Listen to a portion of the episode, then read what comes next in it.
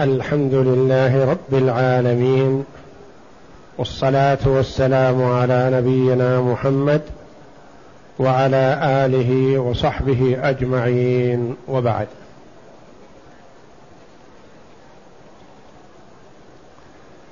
تقدم لنا الكلام على ميراث الغرق والهدم والحرق ونحوهم. وأن الموت الجماعي بحوادث السيارات والهدم والغرق والحرق وسقوط الطائرات للمتوارثين لا يخلو من خمس حالات. الحال الأولى أن يعلم أن أحدهم مات قبل الآخر ولو بدقيقة واحدة. فالمتأخر يرث من المتقدم اجماعا.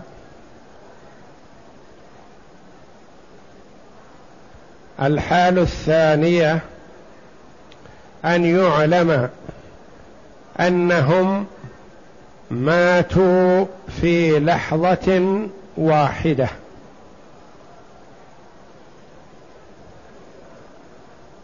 وهذه الحال لا توارث بينهم إجماعا. تقسم تركة كل شخص على ورثته غير من مات معه. هاتان المسألتان والحالتان بالإجماع. بقي من الخمس الحالات ثلاث حالات محل خلاف.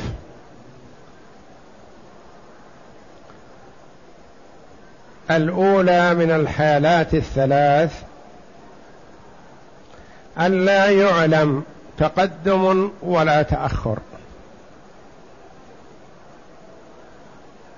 الحال الثانية أن يعلم تقدم أحدهما وتأخر الآخر لكن نسي. الحال الثالثة علم تقدم أحدهما عن الآخر لكن جهل. يعني ما يدرى أيهم والحال النسيان يدرى يعلم أن فلان مات قبل فلان لكن نسي حصل من هول المصيبة نسي لا يدرى أزيد مات قبل عمرو أم عمرو مات قبل زيد. نسي نسيان. وإلا ف فقد علم من قبل.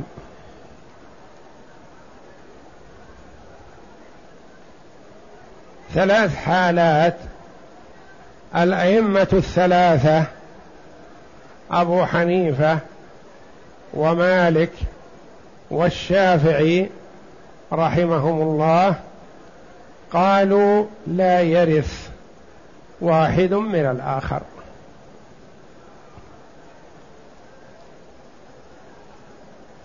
وحينئذ ليس عندهم باب ومسائل ميراث الغرقى ونحوهم.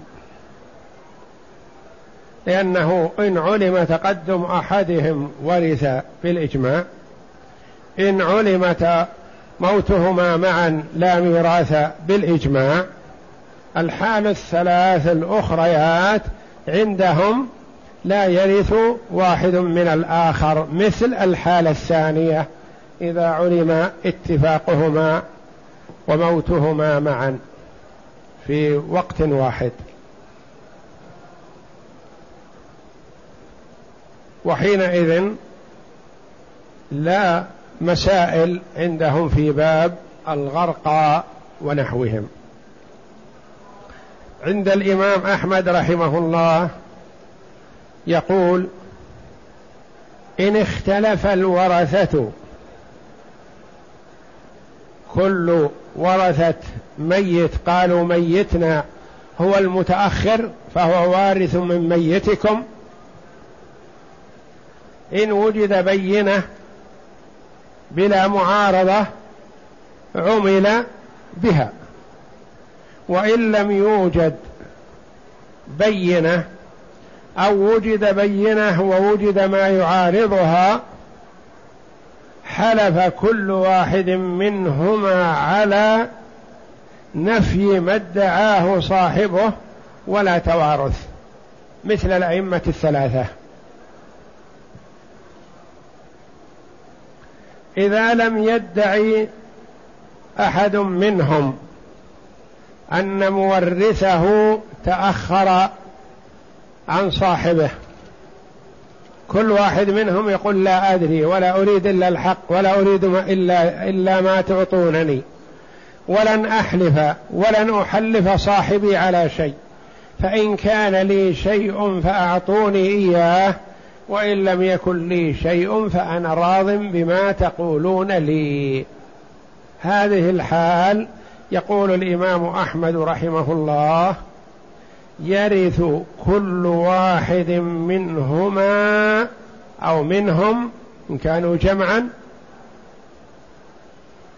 من تلاد ماله لا من طريفه. إيش معنى هالكلام هذا؟ من تلاده يعني من المال السابق الذي عنده. لا من طريفه الذي ورثه من أخيه.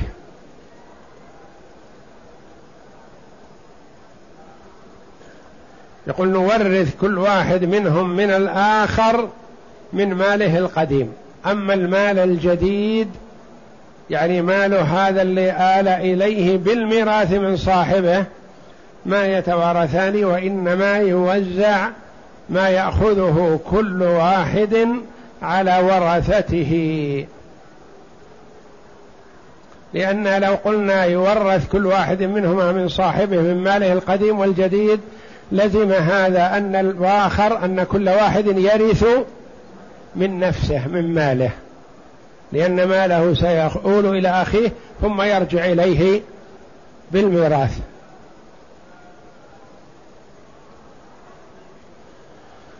ومعنى هذا أننا نجعل لأحد الأموات مسألة ونورث صاحبه ثم ما يؤول إلى صاحبه يعطى لورثة الصاحب لا يأخذه هو لا يوصل إلى ماله وإنما يأخذه ورثته. ثم نجعل مسألة أخرى نفرض أن الذي مات أخيرا في المسألة الثانية هو الذي مات اولا ونورث ورثة أخيه مما آل إليه. وتقدم أن مثلنا أمثلة على هذا والآن نأخذ زيادة أمثلة إيضاح إن شاء الله. ثم نعطيكم مسألة فيها ثلاثة أموات. يتوارثون فيما بينهم ومعهم ورثة غيرهم. والأسبوع القادم إن شاء الله في باب ذوي الأرحام. اقرأ يا عبد الله المثال الآخر. مثال آخر. هلك زوج وزوجة وخلف الزوج بنتا وعما والزوجة خلفت بن بنتا وجدة وعم بنتا وجدة يعني بنتا ما هي بنتين؟ بنتا بنتا وجدة غير بنت الزوج. يعني كأن لكل واحد منهما ورثة غير ورثة الآخر. تصور المثال زوج وزوجته ماتا بحادث سيارة أو بالتماس كهربائي أو بسقوط طائرة أو بغرق في البحر أو في بركة أو انهدم عليهم بيت أو حصل اختناق بدخان ونحوه. المهم إنهم وجدوا الاثنين ميتين. ولا يعلم أيهم السابق. ولم يختلف الورثة. والزوج عنده هذه الزوجة التي ماتت معه وعنده بنت وعم. البنت من غيرها ليست لها. والزوجة كذلك عندها بنت من غير هذا الزوج ولها جدة وعم. ومن المعلوم أن عم الزوج غير عم الزوجة. يعني الزوج خلف هذه الزوجة التي ماتت معه وبنت وعم والزوجة خلفت بنت وجدة وعم. فالطريقة اولا أننا نقسم تركة الزوج. ونفرض أنه هو المتقدم. فنقول مات الزوج. عن زوجته هذه. فإذا أخذت هذه الزوجة نصيبها من زوجها هذا ما يضاف إلى مالها الذي سيقسم. لا. وإنما يقسم على ورثتها. لأن سنجعل لها مسألة أخرى نورث الزوج منها. فلو جمعنا هذا مع المسألة الأخرى لمعنى معناه أن الزوج أخذ من ميراثه من ماله لأن هي ورثته وهو ورثها. فلكن نقول لا ما أخذته الزوجة من هذا الزوج يقسم على ورثته حتى ينتهي. ما أخذته الزوجة من هذا الزوج على فرض أنه مات قبلها يقسم على ورثة الزوجة فتكون مسألتين.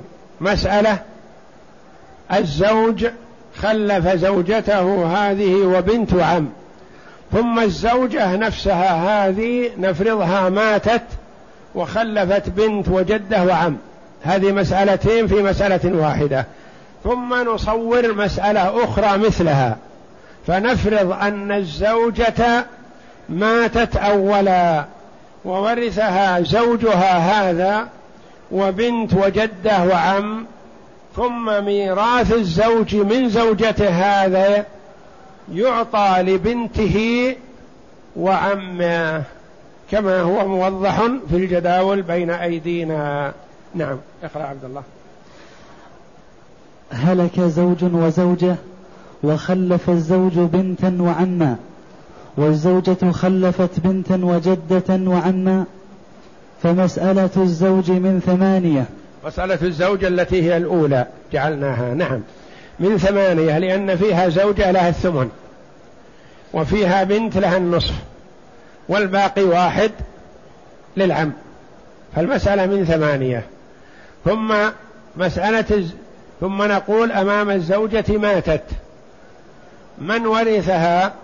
غير الزوج. البنت والجدة والعم. مسألتها من ستة. للبنت النصف ثلاثة وللجدة السدس واحد وللعم الباقي اثنان. ننظر بين سهام الزوجة ومسألتها. كم سهامها من الزوج؟ واحد. واحد من ثمانية ثمن. ومسألتها من كم؟ من ستة. انظر بين الواحد والستة تجدها مباينة. نثبت الستة بكاملها. ونضرب المسألة في المسألة. نضرب المسألة الثانية في المسألة الأولى. يخرج لنا شبه الجامعة.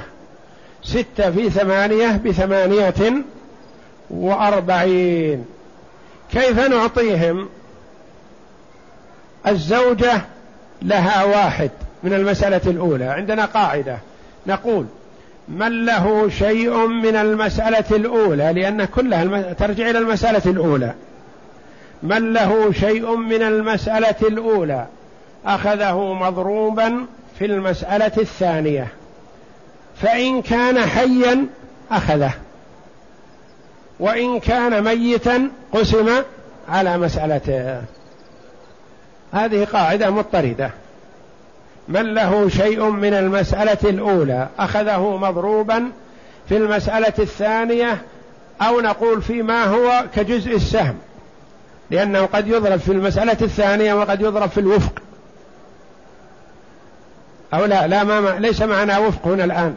الوفق بين السهام والمسألة الثانية فقط. وأما بين المسألة الأولى والثانية فتضرب الأولى في الثانية بكاملها. فنقول ستة في ثمانية بثمانية وأربعين. ثم نعطيهم.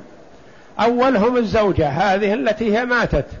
نقول لها واحد في كم؟ في ستة. بستة. يقسم على ستة التي هي مسألتها. ينتج واحد. جزء سهم المسألة الثانية واحد. حتى نصله. البنت بعد الزوجة لها أربعة. في ستة بأربعة وعشرين. أخذت من الجامعة أربعة وعشرين. أعمل فكرك غير موضوع الحساب. انظر. قل البنت ماذا أخذت من المسألة الأولى؟ أخذت النصف. النصف كم هو؟ أربعة من ثمانية. ماذا أخذت من الجامعة؟ هو نفسه. أخذت أربعة وعشرين من ثمانية وأربعين. لا تعمل الأرقام فقط. تابعها بفكرك لننظر هل تطابق أو لا. البنت أخذت نصف التركة. إن كان لها نصف المبلغ من الجامعة فالعمل صحيح.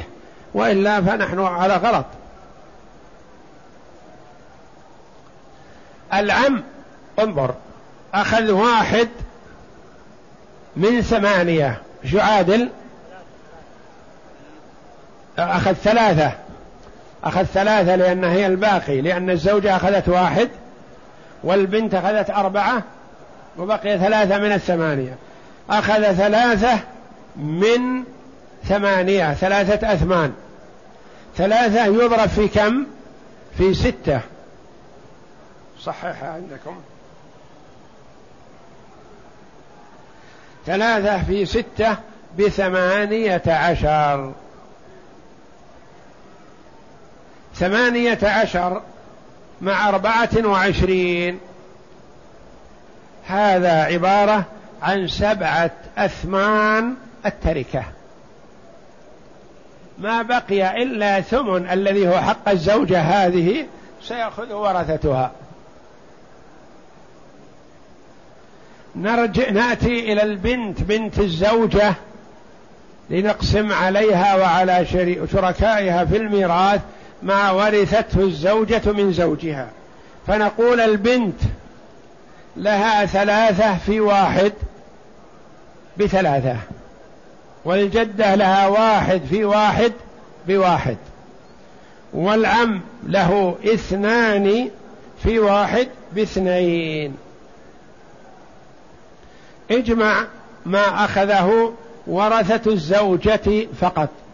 ورثة الزوجة أخذوا ثلاثة وواحد أربعة واثنين ستة.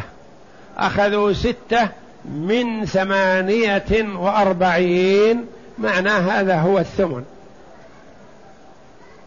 هو الذي فرض للزوجة الثمن قسمناه على ورثتها.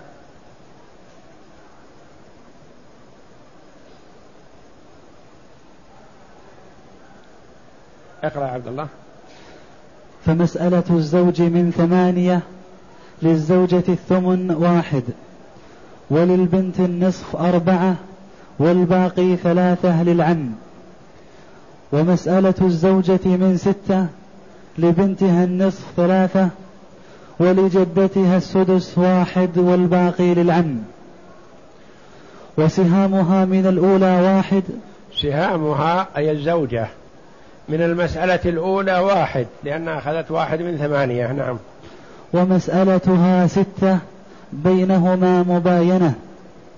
بينها مباينة لأن الواحد دائما مباين لجميع الأعداد. نعم.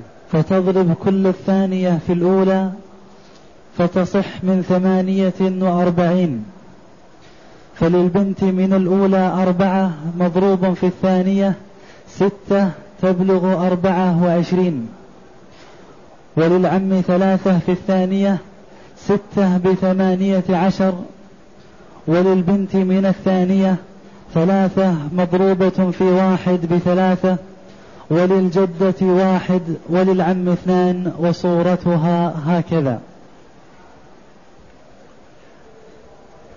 ثم نقدر موت الزوجة أولا. هذه المسألة التي فيها مسألتان عبارة هي ميراث الزوج تركة الزوج قسمناها على ورثته بما في ذلك الزوجة. ثم نصيب الزوجة ما نقلناه إليها لأنها ميتة مدفونة معه. وإنما قسمنا نصيب الزوجة على ورثة الزوجة. نعم. وهذه المسألة الثانية قدرنا أن الزوجة ماتت أولا وورثها زوجها وبنتها وجدتها وعمها وميراث الزوج أعطيناه لبنته وعمه. نعم. ثم تقدر موت الزوجة أولا فمسألتها من اثني عشر. للزوج الربع ثلاثة للبنت النصف ستة وللجدة السدس اثنان والباقي للعم واحد. ومسألة الزوج من اثنين للبنت النصف واحد والباقي للعم.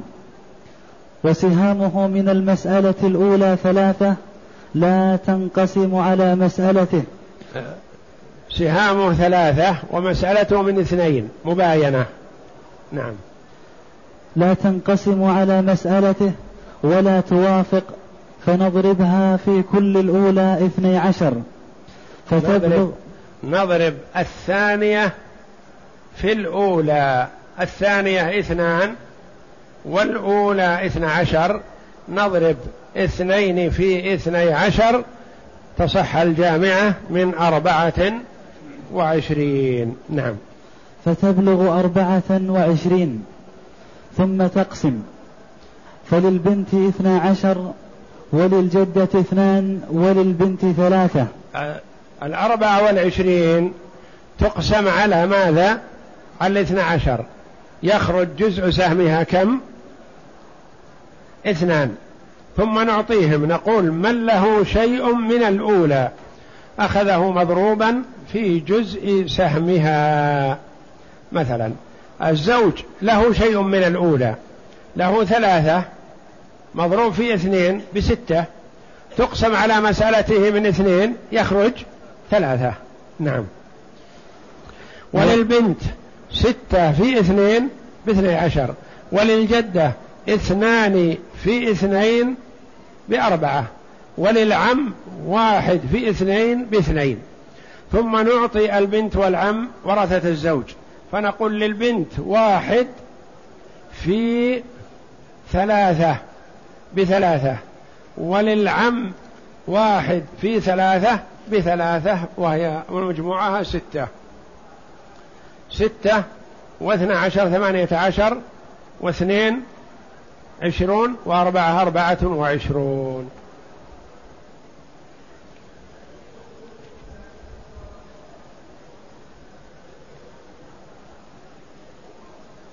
هذه مسألة ثلاثة ثلاثة أموات متوارثون. المسائل المتقدمة اللي أخذنا كلها فيها ميتين. هذه فيها ثلاثة أموات. ولهم ورثة غير من شاركهم في الموت.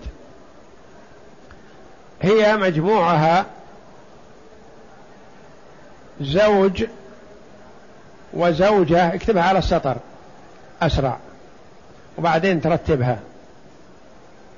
زوج وزوجة وابنهما.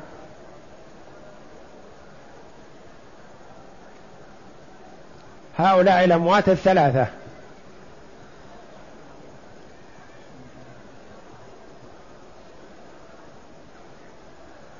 أولا نعرف أننا نفرض أن الزوج مات أولا ونجعل من ورثته زوجته وابنه مع من يأتي من الورثة الآخرين.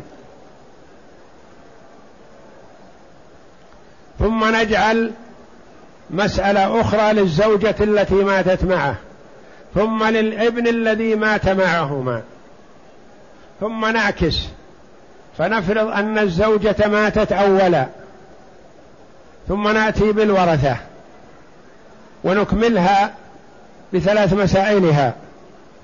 ثم نعكس فنفرض أن الابن مات أولا ونأتي بورثته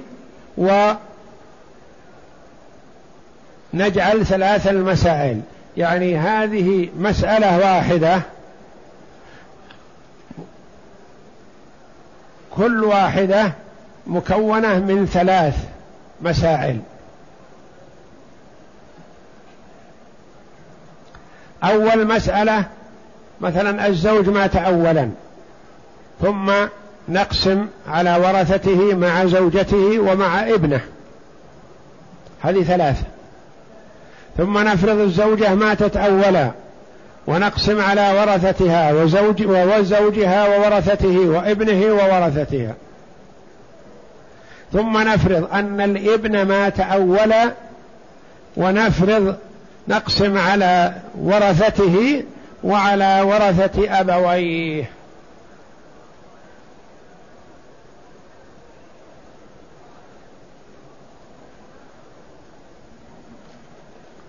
اكتبها على السطر. قلنا توفي زوج وزوجته وابنهما ولم يعلم السابق منهم. كمل كتابة فقط لا تجدول. وخلف الزوج غيرهما. غير من؟ غير زوجته وابن هؤلاء. زوجة أخرى. وأما وعما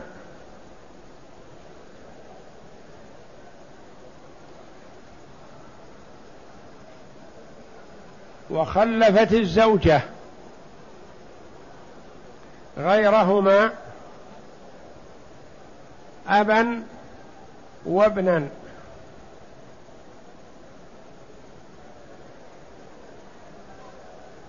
وخلف الابن غيرهما يعني غير أمه وأبيه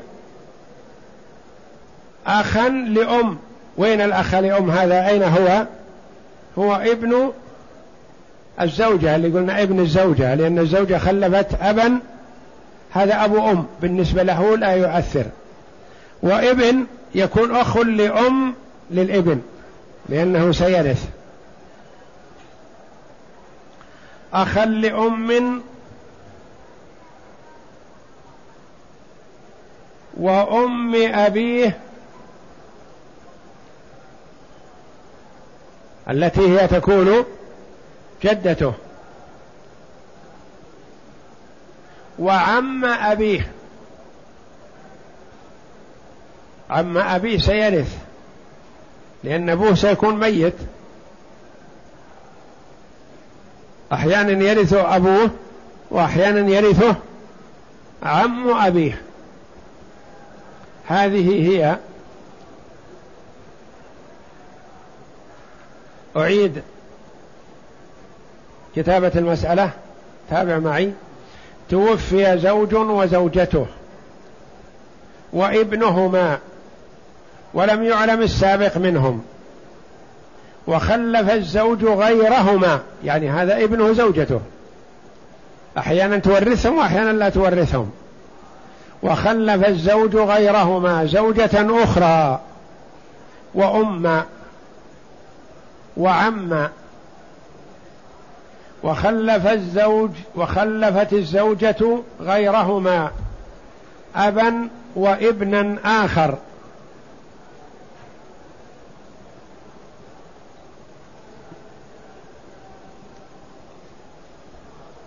وخلف الابن غيرهما أخا لأم وأم أبيه وعم أبيه. هذه هي أصولها. لا تكتب الآن خليك معي. نمر عليها إمرارا سريعا ثم أنتم حاولوا حلها في المسودة ثم ترجعون إليها. مع أبي بكر إن شاء الله. هذه المسألة الأولى. نفرض أن الزوج هو الذي مات أولا. من خلف يا ترى؟ خلف ابنه. وخلف زوجته هذه التي ماتت معه. وخلف الزوجة الأخرى موجودة. وخلف أما. مسألة من اثني عشر وتصح من أربعة وعشرين. أو لا؟ بل مسألة من أربعة وعشرين لأن فيها زوجة وابن. من أربعة وعشرين وتصح من ثمانية وأربعين. فيجوز أن تجعلها من أربعة وعشرين ثم تجعلها من ثمانية وأربعين ويجوز أن تجعلها من أول مرة لأنك عرفت باب الحساب وتعديته.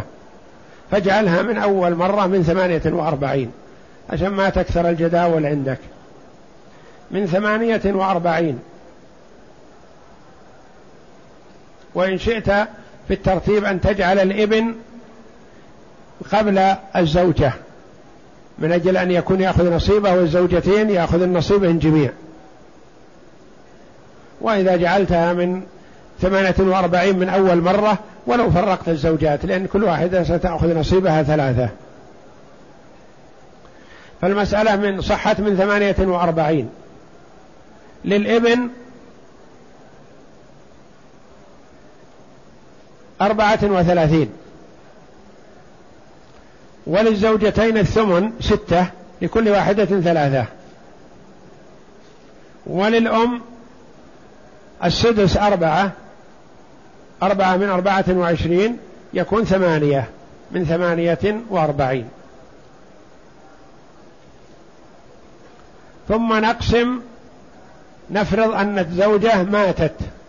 المال الذي أخذته هنا من زوجها ثلاثة من ثمانية وأربعين ما يجعل مع مالها وإنما يجعل لورثتها. من ورثتها؟ الأب والابن. فقط. الورثة الباقين على قيد الحياة. فمسألتها من ستة للأب السدس واحد وللابن الباقي. ثم نفرض أن الابن مات بعد هذا. وخلف من؟ خلف جده التي هي أم أبيه. وخلف أخ لأم الذي هو ابن الزوجة. اللي في المسألة الأولى. وخلف عم أبيه. عم أبيه ما احتجنا إليه في المسألة الأولى لأن ورثنا الإبن. فعم أبيه يأتي في مسائل فيما بعد يرث. فهو ورث من ابن ابن عمه. فمسألة الإبن كذلك من ستة. للجدة السدس واحد وللأخ لأم السدس واحد ولعم أبيه الباقي أربعة. نظرنا بين المثبتات. وجدنا المثبتات عندنا ثمانية وأربعين المسألة الأولى. والمسألة الثانية المثبت فيها ستة ثلاثة النصف. والمسألة الثانية ستة المثبت. نظرنا بين أو تقول نظرنا بين الستة والستة وجدنا بينهما مداخلة. فاكتفيت بأحدهما. فضربت الستة في ثمانية وأربعين فتخرج مئتان وثمانية وثمانون. أي مماثلة هو مماثلة نعم. ستة مع الستة مماثلة. فضربت الستة في ثمانية وأربعين صحت الجامعة من مئتين وثمانية وثمانين. وهذه مجدولة في هذا. المسألة الثانية إذا فرضنا أن الزوجة ماتت أولا فإنها ستكون على النصف. جامعتها مئة وأربعة وأربعون. المسألة الثالثة إذا فرضنا أن الإبن هو الذي مات أولا فتكون جامعته من ثمانية عشر.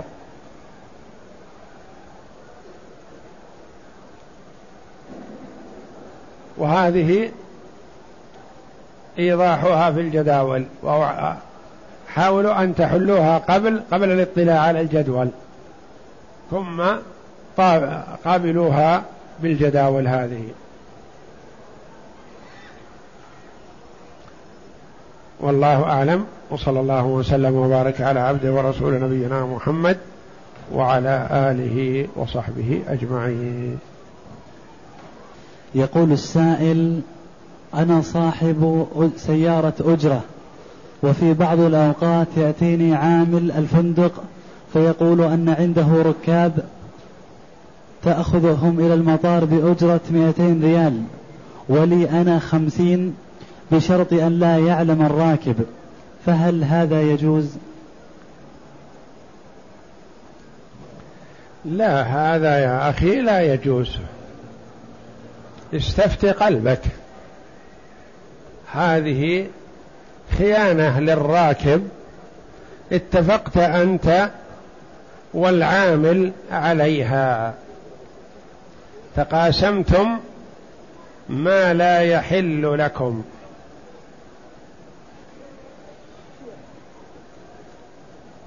لأن الراكب لا يدري كم الأجرة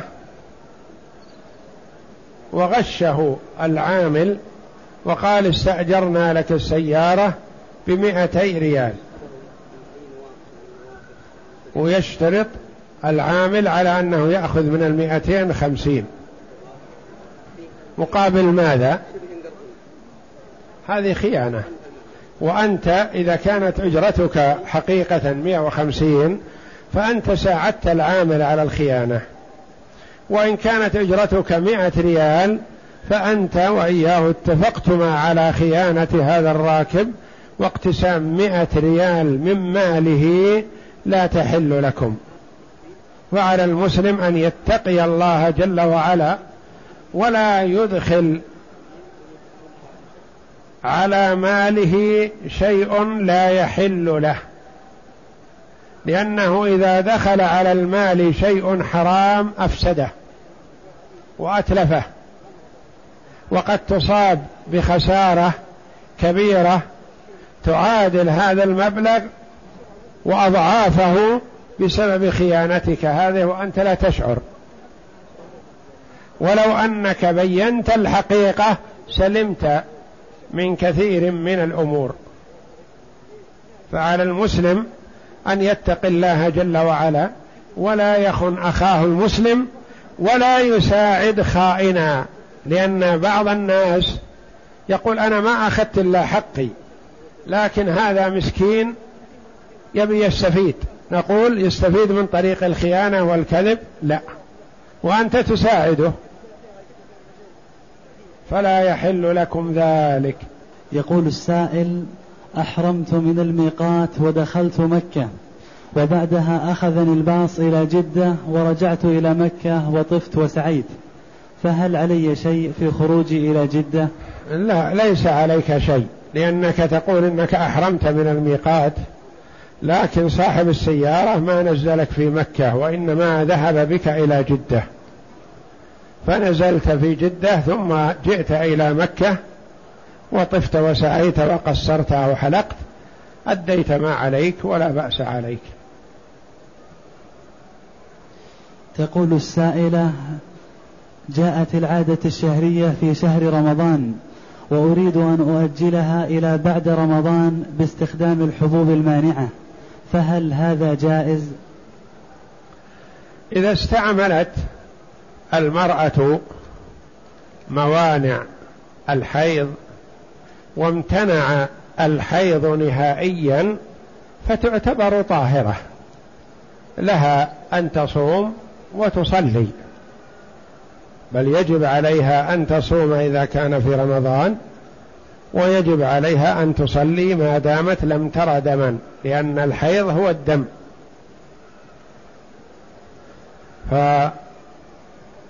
فأحيانا تستعمل المرأة الموانع وتمنع. فلا بأس عليها. وأحيانا تستعمل الموانع ولا تمنع وإنما تربك. وهذا هو الكثير. أنها تستعمل موانع الحم موانع الحيض لأن حيضتها مثلا خمسة أيام أو ستة أيام وتحب أن تصوم وتصلي مع الناس. فيأتي عليها نقط أو كدرة أو صفرة وتتمدد بدل ما تكون خمسة أيام ربما تكون عشرة أيام أو خمسة عشر يوما. وهذه فيها ضرر. ما منعت الحيض وإنما مددته. بدل ما هو مدة يسيرة طال. وهذا الذي يحصل عند كثير من النساء ثم تتعب في التأكد ماذا تعمل. هل هذه الصفرة والكدرة والتقطع يعتبر حيضا أو لا يعتبر؟ ولو لم تستعمل الموانع لجاءتها حيضتها كاملة دفعة واحدة واستراحت. فالأولى لها ألا تستعمل.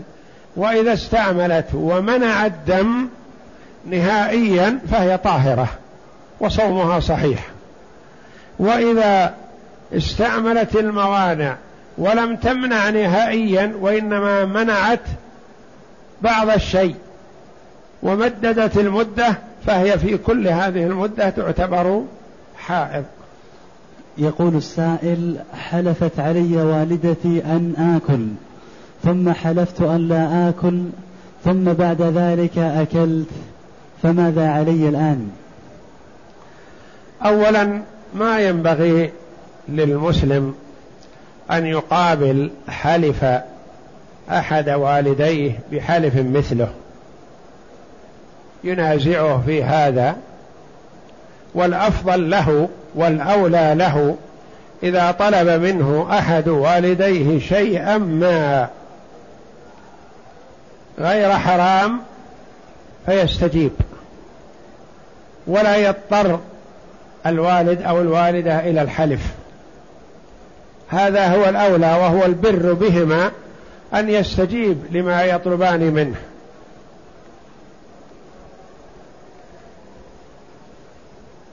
فإن اضطرهما إلى اليمين وحلفا وجب عليه أن يبر يمينهما. ولا يجوز له أن يحنثهما. وإن حلف هو مقابل حلفهما فيحنث نفسه إرضاء لوالديه. وهذا الذي حلفت عليه أمه ثم حلف هو ثم استجاب لحلف أمه. خيرا فعل في الأخير وعليه كفارة يمين. عليه أن يكفر عن يمينه الذي ما استمر فيه يقول السائل أنه يفعل بعض المعاصي ثم أندم ويضيق صدري ثم أجدني بعد فترة قد رجعت إلى المعاصي ثم أكرر التوبة فما هي الطريقة للإقلاع عن المعاصي؟ أنت في هذه الحال في خصام وجدال وجهاد مع الشيطان ثم يتغلب عليك. فلا تذعن له. لأن ضميرك يؤنبك على المعصية. هذا خير. فيه إيمان وخوف من الله جل وعلا. لكن سرعان ما يتغلب عليك الشيطان ويوقعك في المعصية مرة أخرى. فاحذر أن تكون فريسة بيده. لأنه إذا تجرأ عليك استسهلك فيما بعد. ولكن كن قوي الشخصية معه. ولا يغلبك.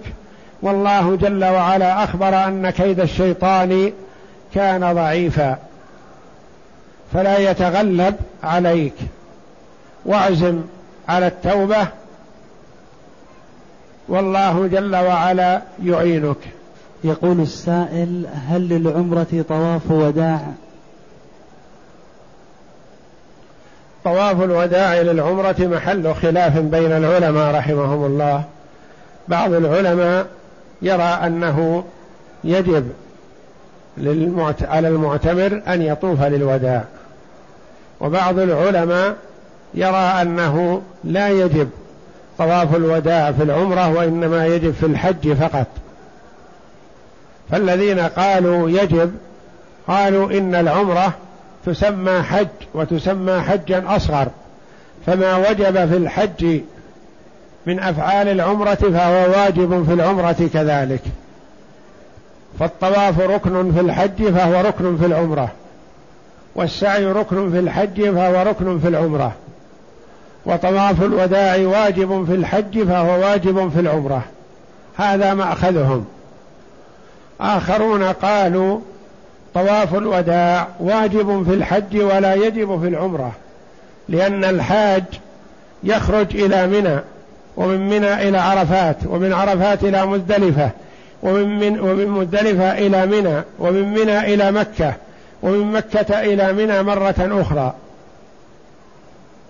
فهو ينتقل من مكة فأمر أن يكون آخر عهده بمكة بالطواف. وأما المعتمر قالوا لا يجب عليه طواف وداع لأنه في مكة ما خرج منها. أدى عمرته وهو في مكة ويطوف بين حين وآخر فمتى ما عزم على السفر سافر. فالمسألة فيها خلاف والأولى للإنسان أن يطوف للعمرة طوف للوداع لأنه طواف عبادة وقربة لله جل وعلا. يقول السائل صليت إلى غير القبلة. وانتبهت أثناء الصلاة فتوجهت إلى القبلة فهل صلاتي صحيحة؟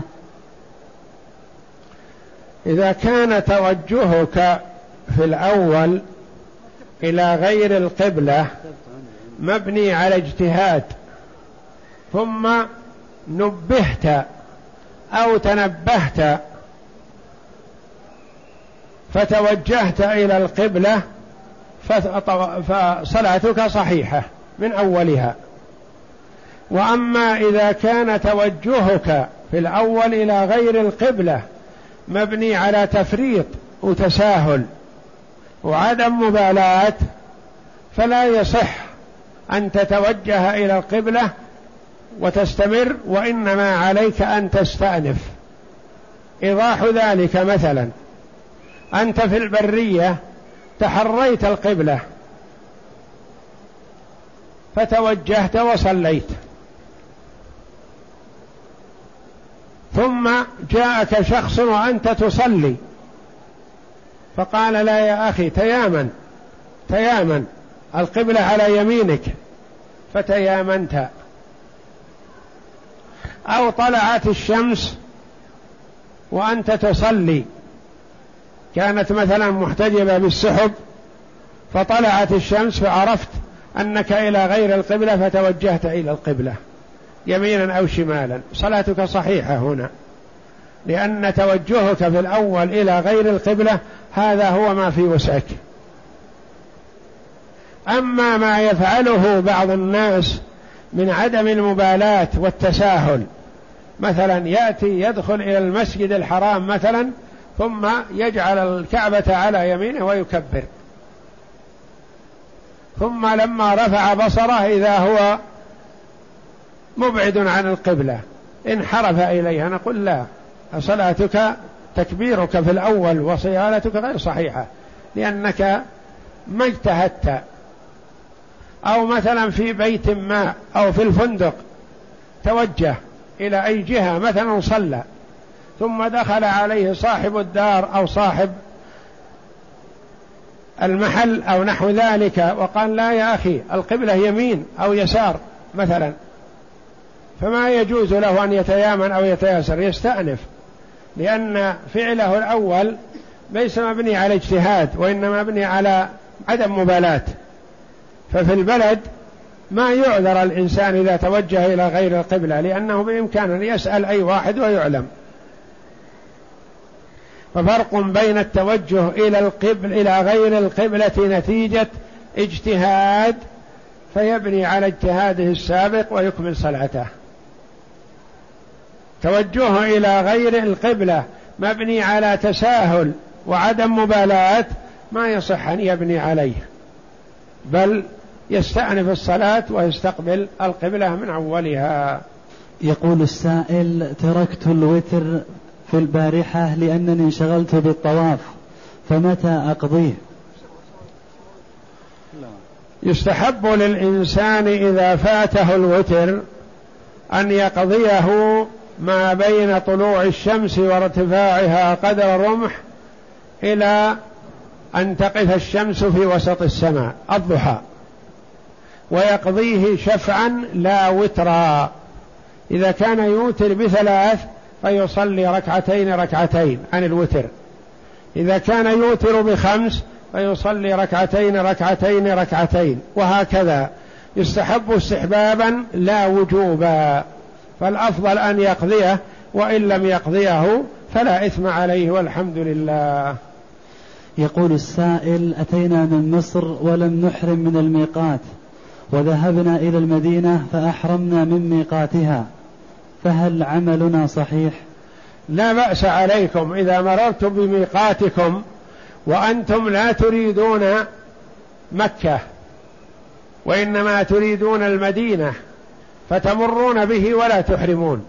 فإذا خرجتم من المدينة قاصدين مكة تحرمون من ميقات أهل المدينة لأن المرء عليه أن يحرم من الميقات الذي يمر به وهو ناو مكة.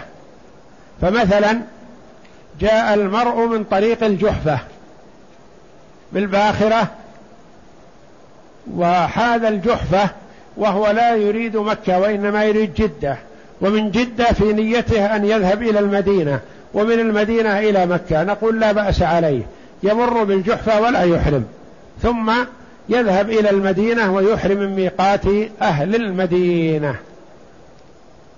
يقول السائل لنا جارة تخرج تخون زوجها وتزني وتخرج من المنزل في غيابه للعمل فهل نخبر زوجها الذي لا يعلم عنها أو نسكت على ذلك؟